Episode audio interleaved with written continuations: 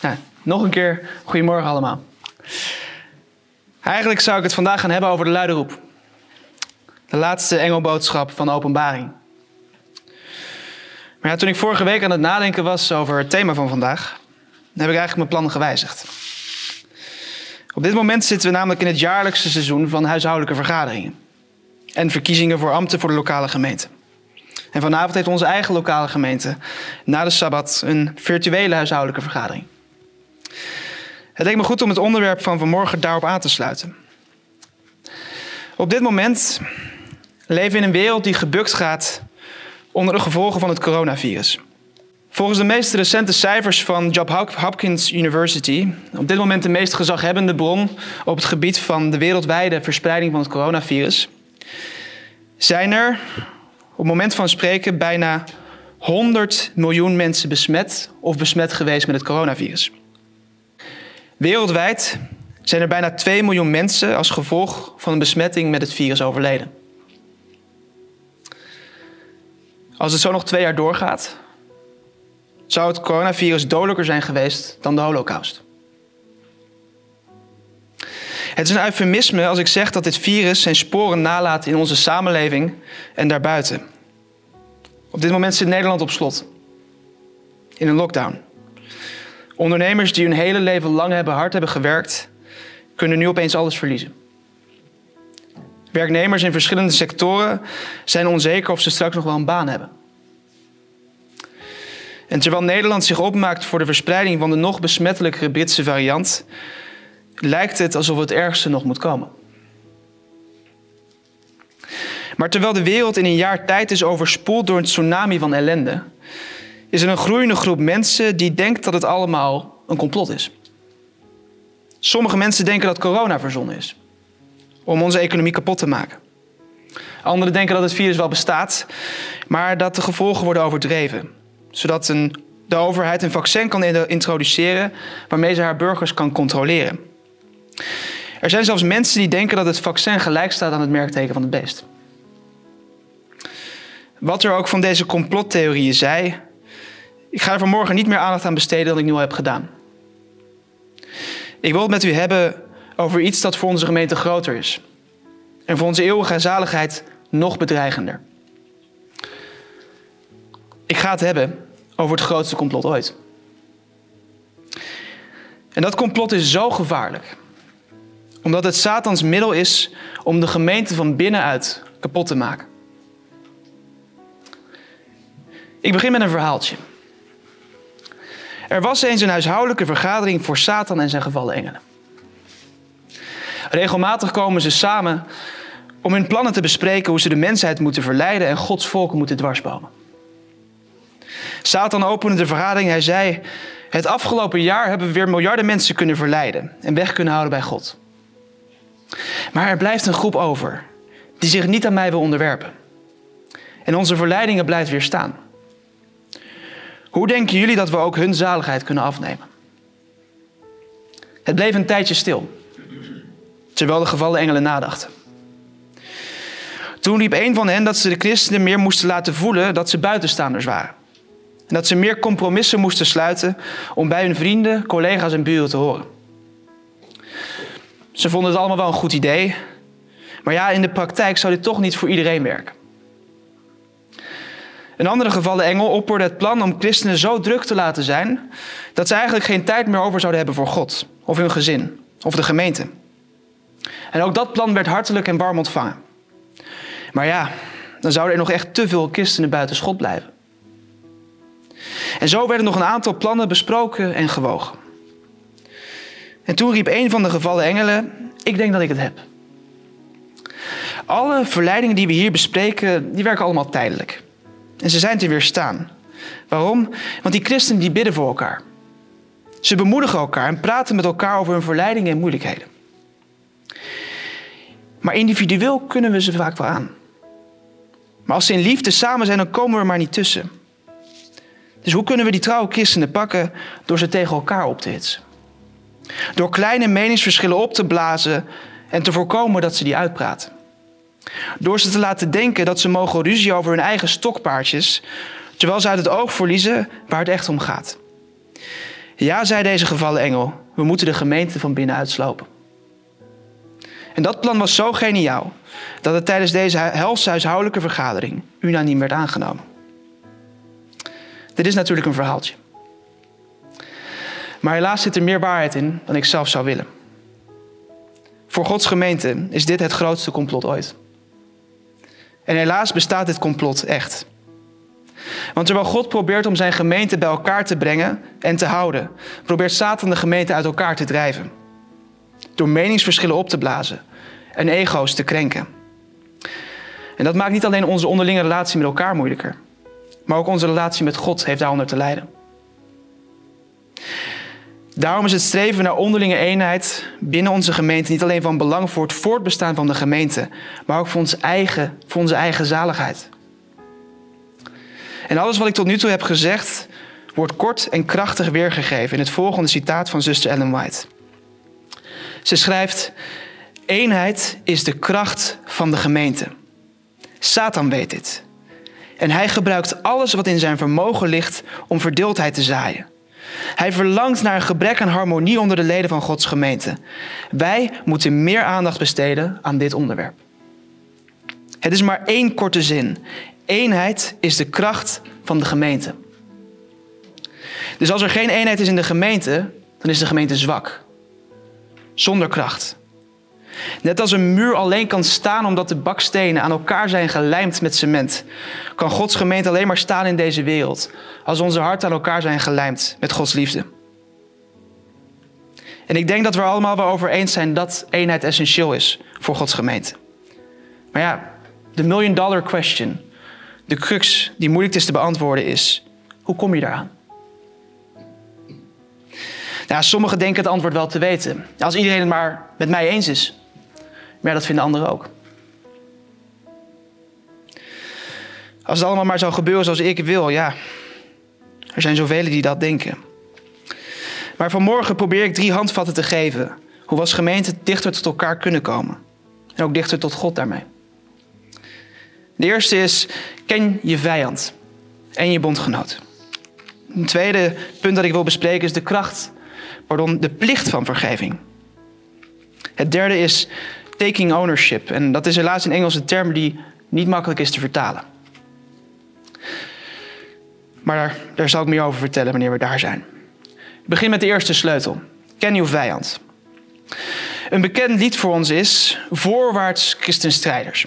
Het is een vaak gebezigde metafoor dat Jezus gelovigen in de gemeente het leger zijn van Jezus. Nou, ik ben geen militair, nooit geweest. Maar ik weet wel dat een leger alleen kan functioneren als iedereen het erover eens is wie de vijand is. Maar ook wie aan onze kant staan, wie onze bondgenoten zijn. Als daar verwarring over bestaat, dan lopen ze het risico dat soldaten van hetzelfde kamp elkaar onder vuur gaan nemen. En dat geldt ook voor Gods leger. Zijn gemeente. Gods gemeente kan alleen goed functioneren als we erkennen dat de vijand niet de gemeente is, niet in de gemeente zelf is. Niet de broeders en zusters zelf zijn, maar dat het Satan is. Hij is het die verdeeldheid, ontevredenheid en kritiek zaait, zodat hij verloren zielen kan oogsten. De apostel Petrus waarschuwt ons hiervoor in 1 Petrus 5, vers 8. Wees nuchter en wees waakzaam, want uw tegenpartij, de duivel, gaat rond als een brullende leeuw, op zoek naar wie hij zou kunnen verslinden. Petrus maakt ons hier duidelijk wie de vijand is. De duivel, Satan. Dat is ook wat Satan überhaupt betekent. Tegenpartij of tegenstrever. En Petrus beschrijft dat daarnaast dat de duivel rondgaat als een brullende leeuw. Op zoek naar mensen om te verslinden. Weet je hoe leeuwen te werk gaan om hun prooi te verslinden? Wolven doen hetzelfde. Ze jagen een kudde op om daar paniek in te, gaan, in te jagen. En door die paniek raakt er altijd wel een dier van de kudde gescheiden. En die rennen ze achterna. Tot het dier uitgeput is of een fout maakt. En dan slaan ze genadeloos toe. En dat is precies wat Satan ook doet. Satan probeert ons los te breken van Gods kudde. Zodat we alleen komen te staan. En als we dan alleen staan, dan kan hij ons makkelijker uitputten. Dan kan hij ons makkelijker ertoe brengen om fouten te maken. En dan struikelen we sneller. En dan slaat hij genadeloos toe. Maar weet je wat het versterkste verdedigingsmiddel is van de kudde? Om samen te blijven. Want dan weten ze niet wat ze moeten doen, die leeuw. Ook hier zien we, de eenheid is de kracht van de gemeente. Daarom is het belangrijk om te beseffen dat onze broers en zusters niet onze vijanden zijn, maar onze bondgenoten. Een leger dat continu onderling in met elkaar in gevecht is, kan geen verenigd front bieden tegen de vijand. Die kan de strijd niet winnen. Onderlinge strijd en ruzie, hoe legitiem misschien ook in onze eigen ogen, kan fataal zijn voor de strijd waar het echt om draait. Het is belangrijk dat we ons daar bewust van zijn. Maar soms kan er wel een goede reden zijn om gekwetst te zijn. Het kan gebeuren dat iemand jou opzettelijk of onbewust veel pijn heeft gedaan. Dat iemand tegen jou heeft gezondigd. Iets lelijks tegen je heeft gezegd. Of achter je rug bepaalde dingen heeft gezegd. Dat is een zonde. En zonde brengt altijd scheiding met zich mee. Altijd verdeeldheid. Een bepaalde afstand. Dat is het natuurlijke gevolg van zonde. Toen Adam en Eva zondigden, zorgde dat voor een kloof tussen God en de mens. De zonde leidt tot verdeeldheid. Maar het is Gods bedoeling dat die verdeeldheid niet permanent is. Daarom heeft God een middel tegen het gif van de zonde: vergeving. Het is God die ons de zonde vergeeft als wij ze beleiden. Niet omdat wij dat verdiend hebben, omdat Jezus zijn nek uitstak voor de mensheid en onze straf voor ons onderging. Maar vergeving is niet alleen iets wat wij ontvangen van God. Het is ook iets dat we elkaar moeten geven. En dat brengt mij terug bij het citaat dat we aan het begin hebben gelezen. Dat citaat was nog niet af. Het ging door. Ik lees het nogmaals. Eenheid is de kracht van de gemeente. Ik hoop dat u die zin na vandaag niet meer vergeet. Satan weet dit en hij gebruikt alles wat in zijn vermogen ligt om verdeeldheid te zaaien. Hij verlangt naar een gebrek aan harmonie onder de leden van Gods gemeente. We moeten meer aandacht besteden aan dit onderwerp. En dan schrijft White verder: Wat is het recept om de plagen van strijd en verdeeldheid te genezen? Gehoorzaamheid aan de geboden van God. Het recept voor strijd en verdeeldheid, om dat te genezen, is gehoorzaamheid aan Gods geboden. Wat bedoelt zuster daarmee? Deels denk ik dat het betekent dat eenheid in de gemeente altijd gefundeerd moet zijn op de waarheid. De eenheid van de gemeente kan slechts bestaan in de vorm van eenheid van geloof. De leer van Jezus mag bij een streven naar eenheid niet het kind van de rekening worden. Als het gaat om gehoorzaamheid aan Gods geboden, is geen enkel compromis toegestaan, ook al leidt dat schijnbaar tot verdeeldheid. Maar gehoorzaamheid aan Gods geboden als geneesmiddel voor verdeeldheid heeft ook een andere betekenis. Iedereen die zichzelf een christen noemt, is verplicht om zijn naaste lief te hebben. Om God lief te hebben boven alles en zijn naaste als zichzelf. En omdat een ware christen deelt in de liefde van Jezus, kan hij niet anders dan de fouten van zijn naaste vergeven. Net zoals God zijn of haar fouten vergeeft. Voor een oprechte christen is het vergeven van zijn broer of zuster niet vrijblijvend. Het is je plicht. En de Bijbel leert ons dat er voor die plicht geen enkel excuus bestaat. Dat is ook wat apostel Paulus ons duidelijk maakt in Colossense 3, vers 13. Hij schrijft: Verdraag elkaar en vergeef de een de ander. Als iemand tegen iemand anders een klacht heeft. Zoals ook Christus u vergeven heeft, zo moet u ook doen. Vergeving is niet vrijblijvend. Het is onze plicht om te vergeven. En dat die plicht is niet afhankelijk van het gedrag van de ander. Er zijn zoveel mensen die weigeren om iemand anders te vergeven, omdat ze vinden dat de ander eerst naar hem of haar toe moet komen. Dat die ander de eerste stap moet zetten. Een grote kans dat die ander er net zo over denkt. Maar het evangelie van Jezus leert ons iets anders. Toen de mens had gezondigd, was het niet de zondaar die de eerste stap naar God zette. Nee, Adam en Eva probeerden zichzelf voor God te verstoppen. Ze schaamden zich. Maar God zette de eerste stap.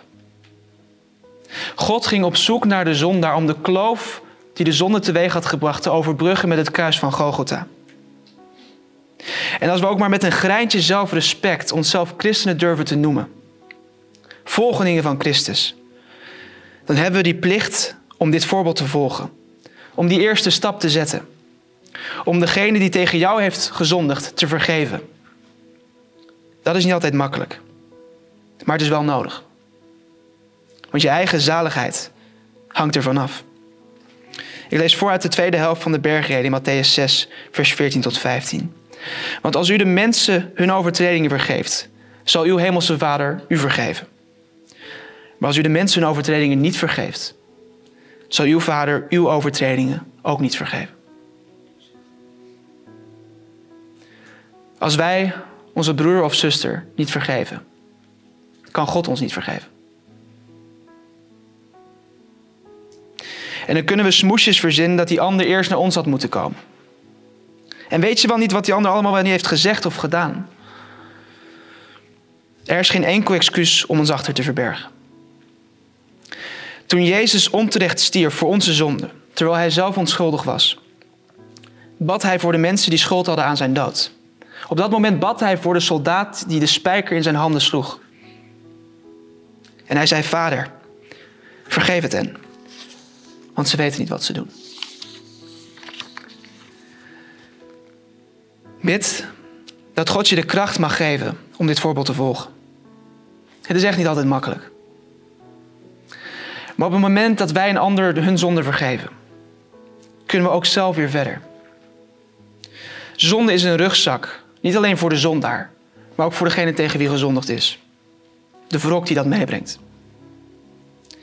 Maar vergeving snijdt voor allebei die personen de rugzak door. De last valt weg. Voor zowel de zondaar als voor degene tegen wie hij heeft gezondigd. Het derde punt waar ik het over wil hebben, dat raakt hier aan. We zouden het het nemen van verantwoordelijkheid kunnen noemen in het Nederlands. Maar het Engelse taking ownership betekent meer dan dat. En dat leg ik zo uit. Zojuist besprak ik hoe mensen vaak vinden dat de ander de eerste stap moet zetten. Dat die ander eerst naar ons toe moet komen. We kunnen het wel eerst doen, maar ja, die ander die moet het eerst doen. En zo zijn er wel vaker dingen die wij kunnen doen, waarvan we vinden dat een ander het maar moet doen. We weigeren dan om ownership te nemen van dit probleem. Om dit probleem ons probleem te maken. En dat kader wil ik een verhaal met jullie delen. Van een voormalige elitesoldaat uit het Amerikaanse leger. De voormalige Navy SEAL Jocko Willink. Hier rechts op de foto. In de lente van 2006 was deze luitenant-commandeur gestationeerd in de Iraakse stad Ramadi. Toen een bolwerk van de aanhangers van Saddam Hussein. En samen met een leger van Iraakse bondgenoten, van de nieuwe, van de nieuwe overheid daar, van de nieuwe regering, moest een groep Navy SEALs onder de leiding van Willink deze opstandelingen bestrijden. En op een van die operaties gebeurde het ergste wat er ook maar kan gebeuren in een leger. Tijdens de chaos van het oorlogsgeweld, onder de rook van de strijd, door een opeenstapeling van fouten en menselijk falen, brak een verschrikkelijk vuurgevecht uit. Niet tussen de Amerikaanse soldaten en hun vijand, maar tussen de Amerikanen en hun Iraakse bondgenoot. En in het leger is dat het ergste dat er kan gebeuren. Dat soldaten van dezelfde kant niet de vijand, maar elkaar onder vuur nemen. En nadat de rook van de strijd was opgeklaard, bleek dat een Iraakse soldaat was overleden. Dat er twee Iraakse bondgenoten gewond waren geraakt. En ook dat een van de Navy SEALs gewond was geraakt. Het was een wonder dat er niet meer slachtoffers waren gevallen. En zo'n bedrijfsongeval blijft in het leger niet onopgemerkt. Al helemaal niet bij de Navy SEALs, de beste elitemacht in de wereld. En de hogere officieren van Jocko Willink kregen te horen dat de soldaten onder zijn leiding niet de vijand, maar elkaar hadden bevochten, verwond en gedood. Hij kreeg een bericht van zijn baas dat alle operaties meteen moesten worden gestaakt. En dat zijn baas onderweg waren om van hem en zijn mannen te horen wat er precies was gebeurd en waarom het was misgegaan. En dat betekende maar één ding. Iemand moest voor deze ellende opdraaien. Iemand moest hiervoor verantwoordelijk worden gehouden en ontslagen worden. Dus Willink bereidde zijn verhaal voor. Hij somde elke fout op die er tijdens deze fatale operatie was gemaakt in de voorbereiding en de uitvoering. En wie die fout had gemaakt. En in de presentatie had voorbereid stond elke fout die zijn ondergeschikt hadden gemaakt in hun voorbereiding en uitvoering. En wie daarvoor verantwoordelijk waren. Er waren genoeg verwijten om uit te delen. Er was genoeg schuld om aan iedereen te geven. Maar iets voelde niet goed. Hij kon niet precies vinden wie aan wie hij nou de schuld moest geven. Hij kon er geen antwoord op vinden, hoe hard hij er ook over nadacht. Maar zo'n tien minuten voordat hij zijn presentatie moest geven, kwam het antwoord. Het sloeg hem als een klap in zijn gezicht. Er was maar één persoon die verantwoordelijk kon worden gehouden voor de verwarring op het strijdveld. Maar één iemand die verantwoordelijk was voor de gebrekkige voorbereiding en uitvoering. En er maar één iemand die verantwoordelijk was voor de dood van de Iraakse bondgenoot. En hij wist precies wie die persoon was. Met die kennis liep hij naar de zaal toe waar hij zijn presentatie moest geven. Zijn mannen en zijn baas stonden al op hem te wachten. En hij stond voor ze. hij stelde ze één eenvoudige vraag. Wiens schuld was dit? vroeg hij. Het bleef een tijdje stil terwijl de soldaten elkaar ongemakkelijk aankeken. Tot een van zijn mannen zijn hand opstak. En hij zei: Het was mijn schuld. Omdat ik niet goed op de Iraakse bondgenoten heb gelet. Maar Willings zei: Nee, het was niet jouw schuld. Een andere soldaat stak zijn hand op en hij zei: Het was mijn schuld. Ik had niet goed genoeg onze locatie doorgegeven. Waardoor er verwarring ontstond over waar we waren. En ik zei, nee, ga maar zitten, het is ook niet jouw schuld. Uiteindelijk stond een andere soldaat op, die Iraakse bondgenoot had neergeschoten. En hij zei, het is mijn schuld. Ik heb mijn doelwit niet goed geïdentificeerd. En daardoor heb ik die Iraakse soldaat neergeschoten. Het was mijn schuld. Maar ook nu zei Willink, nee, dit was niet jouw schuld. En terwijl hij wees naar zijn, naar zijn mannen, zei: Het is ook niet jouw schuld. Het is ook niet jouw schuld. Het is ook niet jouw schuld. Er is maar één persoon wiens schuld dit was. Maar één iemand om een verwijt te maken en dat ben ik zelf. Ik ben de bevelhebber. En daarom ben ik verantwoordelijk voor de voorbereiding en de uitvoering van iedere operatie. Willing nam verantwoordelijkheid voor de fouten van anderen en van zichzelf. En nadat hij die verantwoordelijkheid had genomen voor wat er mis was gegaan, legde hij uit aan zijn mannen hoe ze dit soort ellende in de toekomst konden voorkomen. Hij voerde nieuwe strategieën en principes in. Was dat gemakkelijk? Was het gemakkelijk om die verantwoordelijkheid te nemen? Nee. Het deed pijn om die schuld, om die verantwoordelijkheid op hem te nemen. Het kwetste zijn ego en zijn trots. Maar om een integere leider te zijn, kon Willink niet anders dan die verantwoordelijkheid nemen. Dus moest hij zijn ego beheersen, zodat zijn ego hem niet ging beheersen. En weet je wat er gebeurde? Willing werd niet ontslagen. Zijn baas, die smoesjes en vingerwijzen had verwacht, die had verwacht dat Willink de schot zou geven aan zijn mannen, vertrouwde hem nu nog meer. Zijn mannen konden er nu op vertrouwen dat hij de schuld nooit op hen zou afschuiven. En ze waren nu nog meer bereid om voor hem door het vuur te gaan. En ze namen diezelfde houding over. Namen verantwoordelijkheid voor wat zij konden doen om die problemen te voorkomen. Iedereen nam de verantwoordelijkheid voor de fouten die de hele groep maakte. Nou zijn wij geen soldaten. We dienen niet in het echte wereldse leger. Maar van deze les kan ook het geestelijk leger leren. Wanneer niemand in een groep verantwoordelijkheid neemt, wanneer niemand in een groep ownership neemt over problemen of fouten lost niemand die problemen op. En worden die fouten nooit verbeterd. Iedereen wijst alleen maar naar elkaar. En bekritiseert elkaar alleen maar. Hoe vaak doen wij niet hetzelfde? Hoe vaak wijzen wij niet met één vinger naar de ander dat hij fouten heeft gemaakt? Terwijl wij zelf ook iets hadden kunnen doen om de fout te voorkomen. om een probleem te repareren? Hoe vaak bekritiseren we elkaar wel niet op een niet opbouwende manier? Hoe vaak nemen we onze eigen bondgenoten onder vuur? En verwonden we elkaar? Als jij denkt dat je geen verantwoordelijkheid hoeft te nemen voor een probleem in de gemeente, dan heb je het bij het verkeerde eind. Zelfs als dat probleem helemaal niet het gevolg is van jouw handelen, is het nog steeds jouw probleem. Het is namelijk een probleem van Gods gemeente, waar jij een deel van bent. En daarmee is het ook jouw probleem. En als je dan wegloopt voor het probleem, dan doe je precies het tegenovergestelde van wat Jezus deed. Toen de mensheid door de zonde een probleem in het leven riep. Jezus had geen schuld aan dat probleem. Het was niet het gevolg van zijn handelen. Maar toch nam Jezus de ownership over de zonde. Hij maakte ons probleem zijn probleem. En hij lost het voor ons op. En dat is het voorbeeld dat wij moeten volgen als we daadwerkelijk eenheid willen hebben in onze gemeente.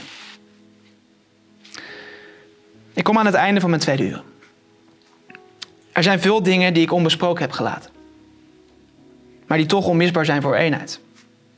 Bijvoorbeeld onvoorwaardelijke naastenliefde. Om voor elkaar te bidden.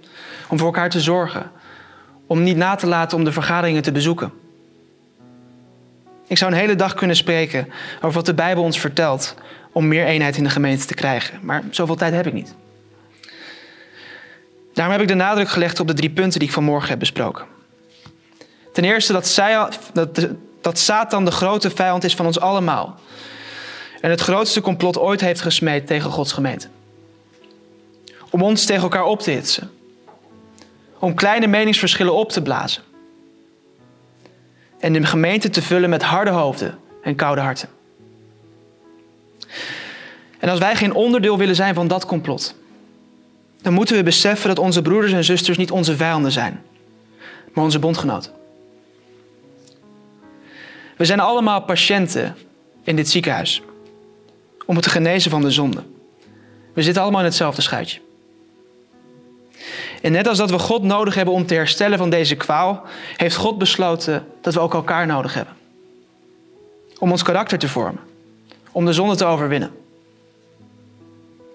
En dagelijks meer op Jezus te gaan lijken. Maar we blijven mensen en we blijven fouten maken. Mensen kwetsen elkaar, doen elkaar pijn. Ook al bedoelen ze dat niet altijd zo. En om dat op te lossen zijn er twee dingen nodig. Ten eerste moeten we beseffen dat vergeving net zo goed een plicht is om te geven als om te vragen. Hoe kunnen we immers van God verlangen dat Hij onze zonde vergeeft als we weigeren onze eigen broeders en zusters te vergeven? Vergeving is niet vrijblijvend. Ten tweede moeten we beseffen dat als niemand zich verantwoordelijkheid voor een, voelt, verantwoordelijk voelt voor een probleem, dat probleem niet wordt opgelost. Problemen lossen het meestal niet zichzelf op. Dat geldt ook voor vergeving. Hoe vaak vinden mensen niet dat de ander eerst naar hen toe moet komen, voordat ze überhaupt erover willen nadenken om die ander te vergeven? En meestal vindt die ander hetzelfde, maar dan andersom. En zo zijn er meer problemen waarvan we vinden dat iemand anders ze moet oplossen. Dat het niet ons probleem is. Of we bekritiseren elkaar wanneer er fouten zijn gemaakt. En dan zijn we als de kippen bij om de schuldigen aan te wijzen, die we verwijten kunnen maken. We strijden dan tegen onze eigen bondgenoten. Niet alleen maakt dat soort gedrag relaties kapot, het lost ook het probleem niet op. En als het om de gemeente gaat, dan moeten we beseffen dat de problemen van de gemeente mijn problemen zijn. We moeten ownership nemen voor de fouten en het falen van Gods gemeente. En dan bidden dat God ons mag laten zien wat ik kan doen om die problemen op te lossen. Hoe ik kan helpen en niet eerst naar de ander kijken. Ik wil afsluiten met een Bijbeltekst uit Efeze 4, vers 1 tot 6. Van de apostel Paulus. Hij zegt, zo roep ik, de gevangene in de Here, u op tot een wandel die de roeping waarmee u geroepen bent waardig is. In alle nederigheid en zachtmoedigheid, met geduld, door elkaar in liefde te verdragen en u te beijveren om de eenheid van geest te bewaren door de band van de vrede. Eén lichaam en één geest. Zoals ook u geroepen bent tot één hoop van uw roeping.